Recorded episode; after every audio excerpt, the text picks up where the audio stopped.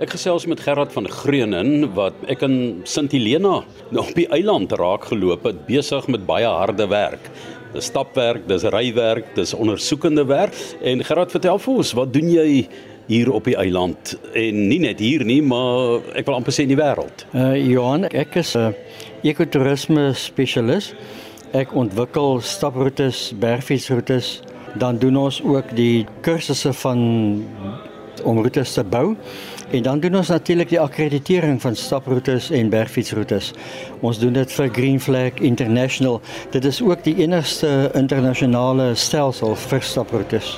Ek het nogal baie gewonder oor wie gradeer dit en hoe gradeer mense dit en wat beteken so gradering? Dit gaan maar baie oor oor tyd en en moeilikheidsgraad van die terrein. Op die eiland natuurlik sal ek sê almal is hiervan dit word gegradeer uit 10 uit. Uh, ten minste 4, 5 uit 10 uit. In Suid-Afrika is dit nou van hulle baie makliker. Maar uh, die moeilikheidsgraad is maar hoe moeilik dit is, hoe lank dit is, maar dit is ook maar volgens my baie subjektief want wat vir 'n ander ou moeilik is is dalk vir my maklik. As mense vir jou vra, Gerard, is dit moeilik of is dit maklik? Sou jy dit beskryf dan in tyd, tyd. of afstand? Absoluut, in tyd, in tyd, in tyd. Ek ek dink die beste is om vir mense te sê hierdie roete kan jy in 2 ure stap. Of jy kan vir hulle sê die groep wat voor julle was, het dit in 3 ure gedoen. So julle kan dit dalk ook in 3 ure doen afhangend van hoe fiks dit is. Om vir 'n mens te sê dit is jy weet dit gaan jou 'n halfuur vat. Uh mens kan dit nie doen nie. Sê eerder vir hom groepe het dit al in 2 ure gedoen of in 3 ure. Moenie vir hulle sê dis maklik nie. Moet dit nooit doen nie. Moet ook nie vir hulle sê dis moeilik nie. Maar sê eerder dit is 2 ure lank of 3 ure lank. Maar Gerard om hierdie roetes te gradeer, moet jy dit self stap. Ek moet dit self stap as ek 'n uh, bergfietsroete doen, moet ek homself ry. En dan doen Green Flag ook perderoetes. So as jy 'n perderoete wil akkrediteer, moet jy homself ry. Ons het uh, vir die ATKV oorde in in Suid-Afrika het ons perderoetes geakkrediteer. Maar wat belangrik is wanneer 'n uh, enige oord of enige lodge mense het wat staproetes het, is dit belangrik dat hulle 'n staproete kursus moet bywoon. Selfs ook 'n stapgids kursus moet bywoon. Ons gaan juis nou in Februarie op die eiland gaan ons 'n stapgids kursus aanbied wat dan vir die mense kan verduidelik wat jy moet doen as die, die stappers nou kom. Hier kom baie oorseese mense, Duitsers, Hollanders, jy het, jy het gesien op die eiland.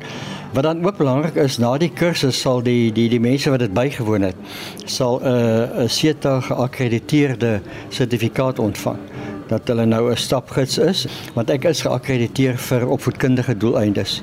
Dit dit het nogal baie waarde vir vir stap in die algemeen. En ehm um, vertel ons 'n bietjie van Sint Helena se staproetes. Daar word na posbusse verwys. Dit kom van die Engelse stelsel af, die postbox walks. Op die eiland is daar 21 posbusse en dis letterlik aan die einde van die roete of dit nou 'n sirkelroete is of dit 'n 'n cul-de-sac is in en uit. Aan die einde is 'n baie keer houtposbus. Jy kan 'n postbox walks boekie koop op die eiland en dan kan jy jou stempel daar insit of jy kan 'n uh, hulle het ook 'n notaboekie in die posbus. Baie keer is dit sommer net 'n gewone wit amper loodgieterspyp wat hulle het met 'n deksel op en dan is die boek daarin met die stempel. Dit is maar net om te sê, jy weet, ek het ek het hierdie roete gedoen. Maar dis 'n baie interessante stelsel. Mense kry dit in Skotland ook, jy kry dit in in baie van Engelse lande, in Brittanje ook. Ierland dink ek het ook dieselfde stelsel. Prof Leon Nigo, hy het Ierlandse roetes gedoen en en dit is ook deel van dit. Hy was 'n groot pionier, uh, Prof Leon in terme van die gradering van ja. roetes. Waar het jy begin inval? Wat het jy gedoen om hierby betrokke te raak? Uh Leon Nigo het het, het hierdie hele Green Flag stelsel ontwerp by Tikkies Universiteit. Dit is daar ontwerp en ontwikkel tot waar ons vandag is. Ek was 'n lektor gewees by 'n onderwyskollege, het uh, vir die studente hierdie staproete ontwikkelings aangebied en uh van 1997 af was ek betrokke by staproete ontwikkeling en ek was een van die eerste ouditeure vir Green Flag International. Ons is nou hier in Jamestown. Ons is 4 en 'n half uur uh se vlieg van Walvis Bay af en hier sit ons op 'n 16 by 8 km eiland. Hoe lank kan 'n mens hier stap? Hoeveel roetes is daar want daar's nou 'n paar stappers se ore wat gespits is? Ja, nee, jy kan jy kan vir jou die hele tyd besig hou. As jy 'n gesoute stapper is, dan kan jy die eiland deurstap in een dag. Maar as gevolg van die vulkaan Uh, dit is mos nou 'n vulkaniese eiland, kan jy dit nie doen nie. Daar's nie 'n manier nie. Afgesien van die 21 postbox walks wat daar is, is daar nog 9 wat hulle sê footpaths wat wat hulle het wat by die governor se huis verbygaan. Die Butchers Grave is 'n baie mooi staproete. Dit is meer familie, gesinsroetes wat jy met jou hond kan stap.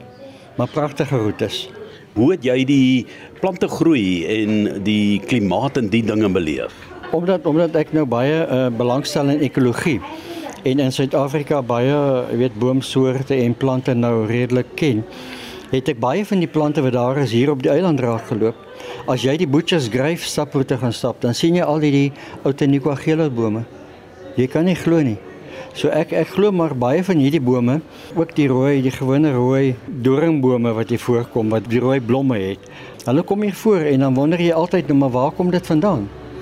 En ek dink maar dit is maar wat die die boere die saad en die goed gebring het met die met die Anglo-Boereoorlog. En dan stap jy af na Jamestown toe en dan voel dit of jy in Durban is met die humiditeit, né? Jamestown is 'n ongelooflike plek. Hier is alles wat jy wil hê. Uh vars vrugte, groente, jy jy dink jy jy's in Kaapstad. En uh Jamestown is natuurlik ook die enigste groot dorp op St Helena. By Longwood is daar nog kleiner dorpies, maar Die hawe is hierso, die lughawe is natuurlik naby naby Longwood, naby Napoleon se huis. Ek gesels met Gerard van Greunen in Jamestown op St Helena Eiland en uh, Gerard Deesdae is bergfietsry ook baie gewild. Daardie tipe van roetegraderings, raak julle daaraan ook is daar formele organisasies wat ook daarna kyk? Ja, bergfietsroetes op die, op die eiland is nogal ook 'n groot uh event deesdae. Dit dit was nooit so gewees nie. Um, ek het in 2016 het ek die eerste bergfietsroete op die eiland ontwikkel. Uh naby Millennium Forest het ek dit gedoen. En uh deesdae is daar nog ander roetes en daar is ook ander persone wat mense op die eiland rondvat. Byvoorbeeld by Horse Ridge is daar 'n roete. Dan is daar ook dit lyk vir my die minister van gesondheid hierdie e-bikes het en dan die mense rondvat op die eiland. En dan wil ek vir jou vra as mense wil gaan kyk na die werk wat jy doen, uh die gradering van roetes, beplanning wil doen daarvolgens, waar kry jy mense die inligting? Ek dink jy moet maar net uh op die die Green Flag uh Trails netwerk gaan kyk. info@greenflagtrails.org en op die stadium is is um Green Flag Trails geaffilieer met World Trails Network. En hulle kantoor is gesetel in Switserland. Die die bergfietsroete is natuurlik voorheen is geakkrediteer deur uh, IMBA International Mountain Biking Association en ek doen al my akkrediterings volgens hulle stelsel. Maar deesdae doen Green Flag die bergfietsroetes, hulle doen staproetes en hulle doen selfs trail running. So kortom wat Green Flag doen is as hulle vir jou sê 'n roete is 5 uit 10 dan dan is dit 5 uit 10 en hulle waarborg amper waarde vir geld. Dit wat jy bespreek sal die waarde vir geld kry en uh die ondervinding wat jy kry, dit is dit is wat Green Flag vir jou wil gee, die ondervinding.